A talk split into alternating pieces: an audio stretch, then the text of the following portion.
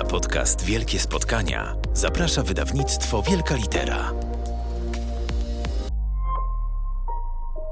W wielkim spotkaniu w Wielkiej Literze Paweł Potoroczyn, dyplomata, działacz kultury, ale dzisiaj się spotykamy e, przede wszystkim z powodu książek, e, które są wznawiane w Wielkiej Literze. Wznawiona jest Ludzka Rzecz i nowa książka A to było tak. Nie, a było tak. A to było tak? A to było tak. Dobrze. Nie, nie. Nie, a to było tak. A to było. A to było tak. Albo jak? No, no właśnie, to trzeba przeczytać, to już trzeba przeczytać. Ale mnie zastanawia jedna rzecz, bo, bo zaczęłam dociekać, mm, mm, jak chronologicznie były pisane te książki, bo mnie się wydaje, że one się zazębiają jednak bardzo. Jeśli chodzi o sam warsztat, o pisanie. Y, Ludzka rzecz zawsze była pomyślana jako trylogia. I takie trzy etapy, nie chcę powiedzieć jakoś górnolotnie, ale trzy etapy w historii Polski i właściwie takiego jednego pokolenia, które, które najpierw tę Polskę straciło, potem ją odzyskało, potem znowu ją...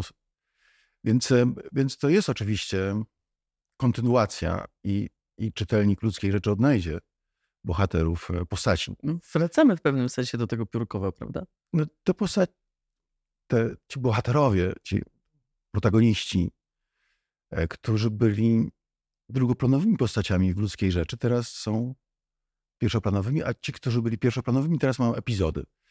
I, i to ja to cieszę się, że pani to zauważyła, bo tak, to jest kontynuacja. No i, i, i trzeci tom będzie już taką klamrą, która zamknie pewną, pewną, no nie chcę powiedzieć sagę, ale no taką No sagę. sagę, bo saga ma, ma bardzo ambitne jest. E, Taką, taką opowieść, taką skromniejszą sagę, taką małą sagę. No ale ja myślę, że właśnie sagi pisze się z takim oddechem, z takim właśnie czymś, z takim komfortem, który pan ma. Bo, e, bo to, co już przy ludzkiej rzeczy pan zaznaczał, że pan sobie pisał tę książkę bez, e, bez żadnego przymusu i bez presji ze strony wydawnictwa, bo już gdzieś, nie wiem, jakaś zaliczka jest zapłacona albo e, i, i że koniecznie trzeba wydać na te targi książki. Ja po prostu, ja wiem, to nie to, że ja w to wierzę, ale ja wiem, że nie da się napisać powieści, uczciwie napisać e, powieści, zresearchować i odpowiadać za każde słowo w każdym zdaniu. To nie da się takiej powieści napisać e, w rok, czy w dwa, czy w trzy. Znaczy to jest e, to jedna uwaga. Druga uwaga jest taka, że kiedy powstała ludzka rzecz, no to ja dużo i ciężko pracowałem i a jeszcze też miewałem takie całe lata, kiedy ja byłem, nie wiem, 150-200 dni w roku w podróży, kiedy się bardzo słabo, z trudem się czyta w podróży, a co dopiero pisać. Więc to, to też wpłynęło na pewien, na pewien, e, na na kalendarz. A, a też e, no to, że nie ma kontraktu, nie ma deadline'ów, nie ma przymusu, pozwala mi polubić tych ludzi, znaczy zżyć się z tymi ludźmi i jak za długo nie piszę, to do nich tęsknię. I to, to mi, mam pewną swobodę obcowania z tymi, bo to nie są postaci. Przecież nie są postaci, to są ludzie. E, Tylko na papierze, a nie z białka i, i, i z wody. E, Więc ma, ja całe życie pracowałem na to, żeby mieć ten luksus, żeby... Plus jeszcze jest taki prosty mechanizm. Wie pani, jak, jak winiarze to robią, żeby to wino było odpowiednie, jak oni je leżakują, tak co jakiś czas przekręcają te butelki o 45-90 stopni i tak przecież i ludzka rzecz tak była napisana i się leżała, i ja tak ją przekręcałem i, i a to było tak, e, też sobie napisane już leżało i ja tak sobie czasem schodziłem do tej piwnicy i przekręcałem te i żeby to się żeby nabrało jakieś tak że miał naprawdę odpowiadać za każde słowo w każdym zdaniu. Dlaczego to jest takie ważne? Wie pani, Przecież może pan jakąś fikcję. Ja mam swoje lata i już nie mam czasu na eksperymenty i próby i sprawdzanie, czy ja to umiem zrobić, czy, ale czy, czy, czy ja mam czas na wydawanie książek, o których ja sam myślę, że są gorsze niż poprzednie. Nie, ja już nie mam tego czasu. Ja już muszę zamykać tylko te procesy, o których jestem pewien, że, że nie potrafię lepiej. Czyli co, za każdą taką postacią jest naprawdę tak głęboki research, bo tam jest mnóstwo, mm, ja, mm, ja to gdzieś tam sobie nazywam erudycji takiej naprawdę, to się czuje, tak, i że tam jest głęboka wiedza, ale mm, nie ma takiej trochę dozy szaleństwa, żeby coś się... Część postaci oczywiście jest w jednej i w drugiej książce, znaczy tylko te, które są autentyczne. Bo przecież proszę zwrócić uwagę, tam jednak 9 na 10 postaci to jest całkowicie fikcyjne. Więc one są zrejestrowane w takim sensie, że ja bardzo długo z nimi, obco- na tyle długo z nimi obcowałem. Czasami trudno nawet zapamiętać ich, ich imiona i nazwiska, bo one są celowo, tak rozumiem, nazwane. One nie są zrejestrowane, one są domyślane. One, ja tak długo z nimi obcowałem, że ja wiem, co oni odpowiedzą, co oni, jak zaklną, jak, e, e, czego się zawstydzą, że ja ich po prostu bardzo dobrze, bardzo dobrze znam. W tym sensie to jest oczywiście research. E, tylko, że e, fikcyjnych postaci. Znaczy, wie pani, my tak sobie mówimy e, fikcyjne postaci, nie? To proszę sobie wyobrazić, że ja nigdy nie byłem w Piórkowie. Ja wiem, że taki Piórków istnieje. Spodobała mi się nazwa, więc umieściłem akcję ludzkiej rzeczy w Piórkowie. Lokalnego proboszcza nazwałem Morga. Teraz proszę sobie wyobrazić, że Tam jest. tak, w rok czy w dwa lata po opublikowaniu ludzkiej rzeczy przychodzi do mnie Zbyszek Masternak, pisarz, więc wie, co mówi. On pochodzi z Piórkowa i tam naprawdę był ksiądz Morga. To nie jest koniec. Pisze do mnie Zosia Kaczorowa, Kaczorówna, która była epizodyczną rolą w ludzkiej rzeczy, a teraz jest główną postacią, a to było tak. Pisze do mnie jakiś działacz chłopski, że taka Zosia Kaczorówna naprawdę istnieje. Więc widocznie w Piórkowie to nie powieść, znaczy literatura podąża za rzeczywistością, tylko rzeczywistość za literaturą, bo ja, niech mi to ktoś wytłumaczy. Więc ja nie... Że jak ja pisałem Zosię Kaczarówny, to była fikcyjna, czy księdza Morgę. To był...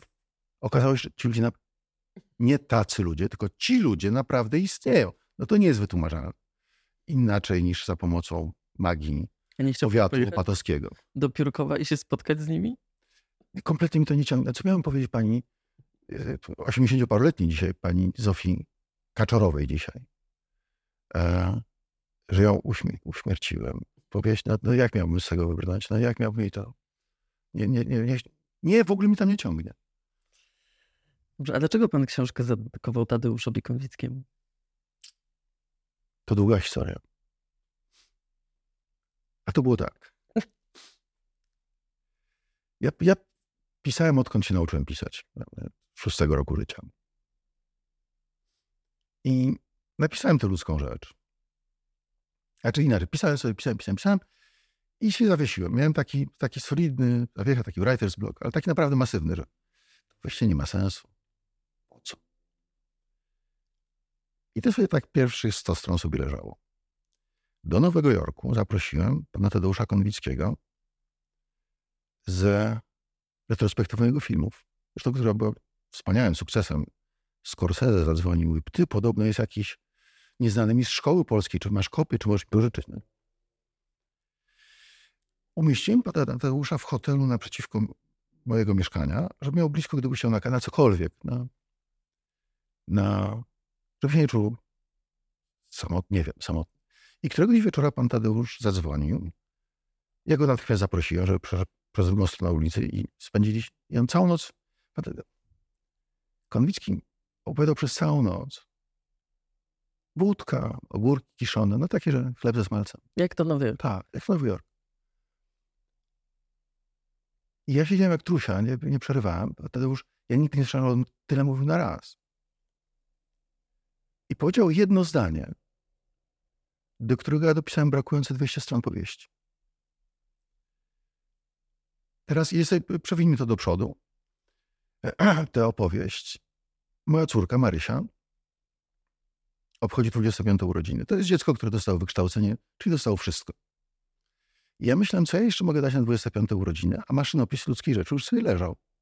Więc pomyślałem, dam jej ten maszynopis.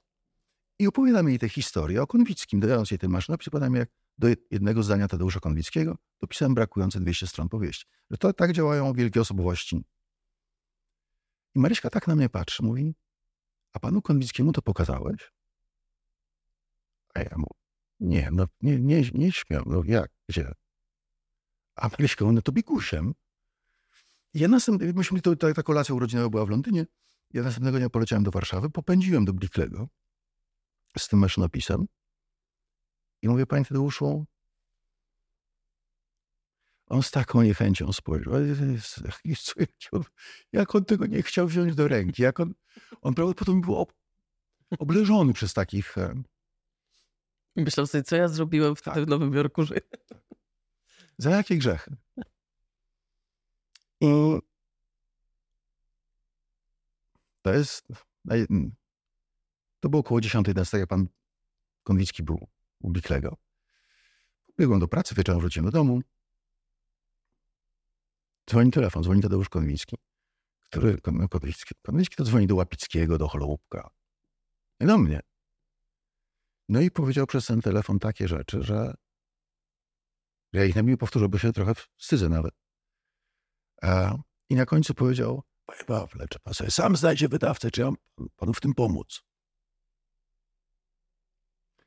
No to później, no to znalazłem wydawcę. E, WB na Foxal, czyli tuż koło Bicklego. Poszedłem, wziąłem od nich kopię kontraktu. I do tego Bicklego z tą Mówię, panie Tadeusz, no słowo się rzekło. To jest na pańską odpowiedzialność. Ja- jeżeli mam to podpisać, to musimy się tą odpowiedzialnością podzielić, żeby to, może to zrobić przy panu. A Konwicki tak patrzy i mówi, wie pan, był tu również reprezent Komorowski. Ja na moment, ale ci kelnerzy tak kiwałem głową, i rzeczywiście tak było. No, Komorowski zatrzymał całą kolumnę na środku Nowego Światu. Wysiadł w piskałę z Konwickim, pojechał dalej. I Konwicki mówi, wie pan, był tu również reprezent Komorowski. Przyszedł do mnie na kawę. Mówi, ale pan ta chwila dla mnie więcej znaczy. No to komu ja to miałem dedykować? Że komu miałem podziękować? Jeżeli nie, nie panu Konwickiemu. Taka historia. A jeszcze go potem spotkałem na Nowym Świecie. Znaczy, że w ogóle go czasem spotykałem. Em, Ale jak się już książka ukazała, mówię, tak się kłaniam. Dzień dobry, panie Tadeusz. On tak patrzy i mówi, debiutant, kurwa, go mać. I poszedł dalej. A co to było za zdanie, które powiedział, do którego pan Nie dopisał? powiem. Nie ma go w książce. Nie ma go. Nie. A dlaczego go nie ma? Dlatego, że to nie był pan Tadeusz siedząc u mnie na kanapie w Nowym Jorku, nie udzielał mi wywiadu, nie, nie, nie robiliśmy podcastu, nie. To były bardzo jego, to były rzeczy, których nie znajdzie pani w żadnej z jego książek. Mhm. To było bardzo intymna, Jakiś bardzo osobista. Zdanie, rozumiem. Powieść, tak. Ja nie mam prawa tego mhm. ani użyć. Myślałam, że to było jakieś kluczowe. Nie, nie, nie, nie, nie, nie, nie, nie, To jest jego, to jest... Mhm. Nie, nie. Gdyby chciał, to by je sam umieścił w jakimś wywiadzie, w jakiejś książce wywiad rzeka się, przepraszam, trochę tego jest. Gdyby chciał, to by je widocznie nie chciał. Kiedy pan mm, mieszkał tyle lat za granicą i zajmował się tak naprawdę no, promowaniem Polski, a zwłaszcza polskiej kultury, to takich spotkań miał pan na pewno mnóstwo. Albo takich ważnych. Pewnie Tak. nie kilka. Które było jednym z takich z ważniejszych oprócz Wojciech Has. Potwór. Monster.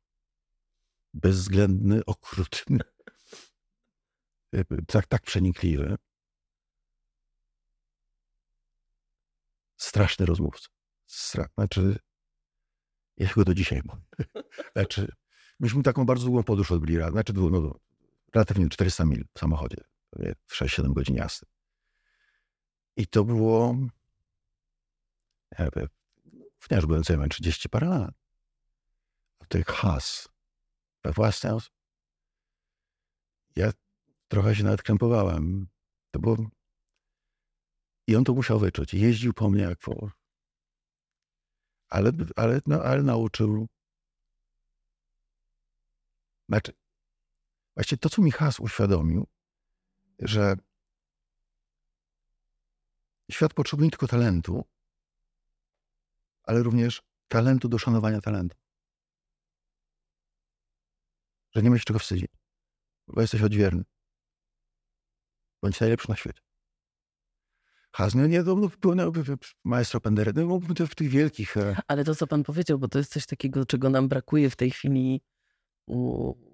No nie chcę tego upraszczać, ale wydaje mi się, że my przez to, że ci artyści są tak blisko na wyciągnięcie ręki też przez różne media, to my przestajemy ich traktować jak artystów, właśnie to z tym talentem do traktowania jako artystów, a oczekujemy od nich, żeby byli bardzo uwrażliwieni, żeby, nie wiem, poruszali nami y, codziennie wieczorem, kiedy występują na scenie, albo nie wiem, żeby grali w jakichś filmach, o których będziemy rozmawiać. I odprowadzali dzieci do szkoły y, przykładnie i byli takimi grzecznymi Kowalskimi. Że tu się gdzieś nam to wszystko, a jednak trzeba, tak jak pan mówi, to jest, to jest genialne zdanie, tak? Że potrzebny jest talent do, do, do, do szanowania, tak? Do, Do szanowania talentu. I że to też jest talent. Kultura potrzebuje również e, takich, e, takich talentów.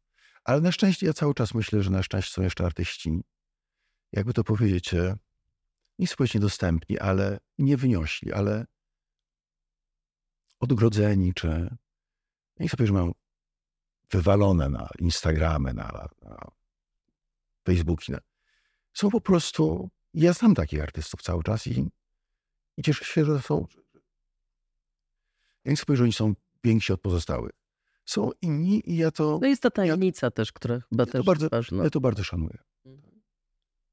Tak. i Również dlatego, że jeżeli chce się czegoś o nich dowiedzieć, to się dowie od nich, a nie z jakiegoś portalu czy z jakiegoś e, Mhm. e, medium społecznego. Nie ma nic społecznościowego w mediach społecznościowych. To jest, Jedna wielka samotność? to, to jest kłamny, no to jest kłamstwo stulecia. No to naprawdę nie znajduję żadnej ze społecznych cnót ani na Facebooku, ani na Twitterze, ani nie. Więc jakby i cieszy mnie, że, że jest taka, że są tacy, również tacy artyści, którzy mają to w dupie. No, no dobrze, no ale wtedy, kiedy pan promował polską kulturę, to było ła- łatwiej? Już to, to się już zaczynało, to, to szaleństwo tych Facebooka już się, już się zaczynało, kiedy ja jeszcze, jeszcze byłem w tym, e, w tym biznesie. Nie wiem, czy było łatwiej, było prawdziwiej. Dlatego, że, wie ja nie, ja nie mogę powiedzieć, że ja kiedykolwiek zbudowałem relację na przykład z maestro Pendereckim. Ale, ale obcowałem z nim, a nie z jego agentem, czy z jego awatarem, czy z, z, z, z prawdziwym e, artystą. Więc jakby ja wiedziałem, komu ja służę, a nie, znaczy miałem, to, to było trójwymiarowe i relacyjne. Więc w pewnym sensie było trudniej, bo to trzeba było lecieć kawał drogi albo pokonać samo. Nie, nie. To oczywiście zabierało więcej czasu, kosztowało więcej wysiłku i pewnie więcej pieniędzy, ale tworzyło więzi, e, a nie tylko transakcje. Że ty zrobisz dla mnie to, a ja zrobię dla ciebie to. No to jest transakcja. A, a to było, a myślę, że ten cały czas, jak się próbuje opowiedzieć jakiś kraj w jakichś innych krajach, to dobrze to robić w oparciu o relacje, a nie o transakcje. W tym, e, z kiedy miał pan taki największy powód do dumy, kiedy, mm, nie wiem, gościł pan w Stanach właśnie kogoś z Polski i przedstawiał, trudno powiedzieć, co? Czym I w ogóle nie w Stanach. Nie w Stanach. A gdzie? W Londynie? Zgadujemy? Musimy zrobić taki przypis na, na dole potem, gdzie, gdzie to W Kijowie. w Kijowie.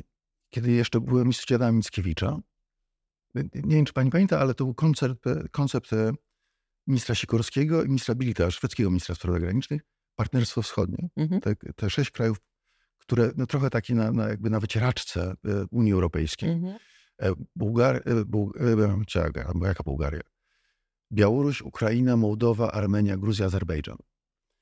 No więc, ponieważ to był bardzo taki etyczny, nie, nie tylko polityczny, ale i kulturowy, i, i bardzo głęboko etyczny koncept, myśmy powołali młodzieżową orkiestrę złożoną ze studentów konserwatoriów z tych sześciu krajów. O, już to za- zagrała na największych festiwalach największych salach koncertowych, najsłynniejszych salach koncertowych Europy. Nazywało się to iCulture Orchestra. Cały ten program się nazywał Ja Kultura. I orkiestra się nazywa iCulture Orchestra. Młodzi muzycy 20-20 parę lat. Młodzież. Studenci konserwatorium. Otóż ta orkiestra 25 sierpnia 2015 roku na 25-lecie Ukrainy, niepodległości Ukrainy, wykonała do radości na Majdanie dla 100 tysięcy widzów. Czułem, kurwa, jak Rolling Stone. To było coś absolutnie... Ukraiński dyrygent, soliści z Krymu, to już było po aneksji Krymu, wszyscy soliści, cała czwórka z Krymu i Narodowy Chór Ukrainy Dumka. Tam wszyscy szlochali. Tam absolutnie wszyscy szlochali.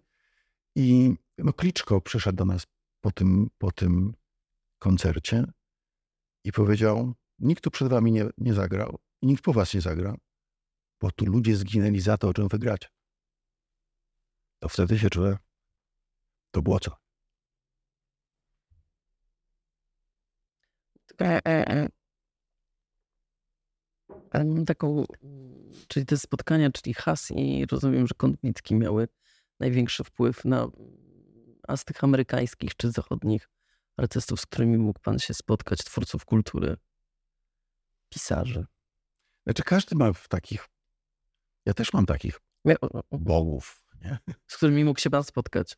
E, no tak, tak, tak, to przywilej oczywiście, wynikający z tej z pracy, którą wykonywałem. Ale, ale wie pani, no, no to co z tego, kiedy tęsknię do Konwickiego? Cały czas jest e, ten gdzieś to jest taka, taka postać. E. I jeszcze każdemu e, inteligentowi, każdemu człowiekowi, żeby miał takiego, takiego kogoś w życiu. A gdyby on wtedy nie powiedział, nie, tej opowieści panu nie opowiedział w Nowym Jorku, to ta książka by nie powstała? Pewnie Ludzka nie. rzecz. Pewnie nie. Cała trylogia by nie powstała. Prawdopodobnie nie. No ale to jest właśnie to, jest właśnie to jak działa, ja nie chcę, nie chcę powiedzieć karma czy opatrzenie, nazwijmy to jak, jak działa kosmos. W odpowiednim momencie wysyła odpowiedniego emisariusza z odpowiednim komunikatem i ja, to właściwie bezwstydnie wierzę, że to tak miało być, że to Pan go przysłał, Pan zarządził tym i powiedział, a teraz Tadeusz polecisz do Nowego Jorku, kopniesz go w dupę, żeby on dokończył te... I to, że to, to prawdopodobnie tak wyglądało. My nie wiemy, czy to pan Konwicki dotknął Pana Boga, czy Pan Bóg dotknął Konwickiego. No, na pewno tam jakiś dotknie, jakaś wymiana tam na pewno e, zaszła. I to tak ktoś lepszy, mądrzejszy e, tym tak zarządził. Ja, ja nie mam problemu, żeby to zaakceptować.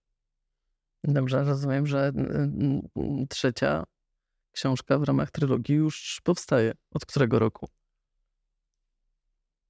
Nie, Bałem się tego pytania, ponieważ tu w wydawnictwie mnie co jakiś czas pytają, a jak się praca posuwa? A ja jeszcze nie jestem na, nawet na etapie przekręcania tych butelek, więc... No ale to już jest, coś jest napisane, tak? Wie pani... Który to czas będzie? Pierwsze i ostatnie zdanie już są. Teraz to już jest z górki, już tylko trzeba dopisać środek. A skąd się te zdania biorą? Pani, ja się dużo śni. Naprawdę. Kilka nie scen, czy wątków, czy postaci, które są w ludzkiej rzeczy, to on mnie we śnie. Więc jakaś część z tego pochodzi. Ja coraz mniej tych snów pamiętam. To się z wiekiem człowiek w ogóle budzi się rano i właściwie zmarnowana noc, bo nic nie zapamiętam. E, więc e, nie wiem. No, siadam i ponieważ znam tę postać tego, ja wiem, co on powinien zrobić, czego nie powinien, czego... i próbuję to zapisać za pomocą możliwie małej ilości słów. No tak, ale pierwsze zdanie książki i ostatnie zdanie książki, no to są takie dwie, to jest taka klamra, która jest, buduje całe wnętrze.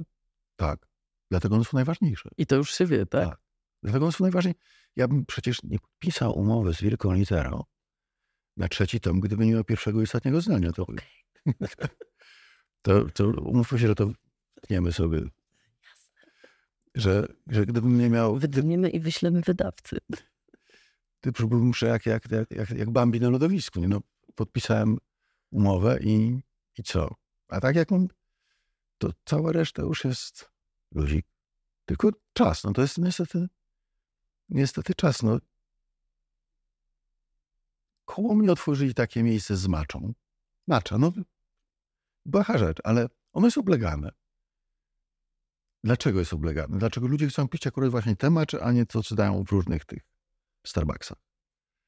E, dlatego, że ona pochodzi z krzewów, który ma o tysiąc lat. Znaczy, ktoś wykazał do siebie. I być może rzeczy smakowite potrzebują tych, tych, tych lat, żeby. Żebyśmy my mogli się wysmakować w tym, tak? Smakować to. Nawet, nawet zacier musi dojrzeć, prawda? Żeby, żeby wódka trzepnęła, żeby samogon trzepnął, to ten zacier musi sobie dojrzeć. No więc czas tutaj jest. Ja gdzie mam się śpieszyć poza tym? Gdzie? Jak, jak byłem młody, to jak wściekły. I się gdzieś śpieszyłem. A teraz to już, no gdzie mam się śpieszyć? Nie. Także powieść potrzebuje lat.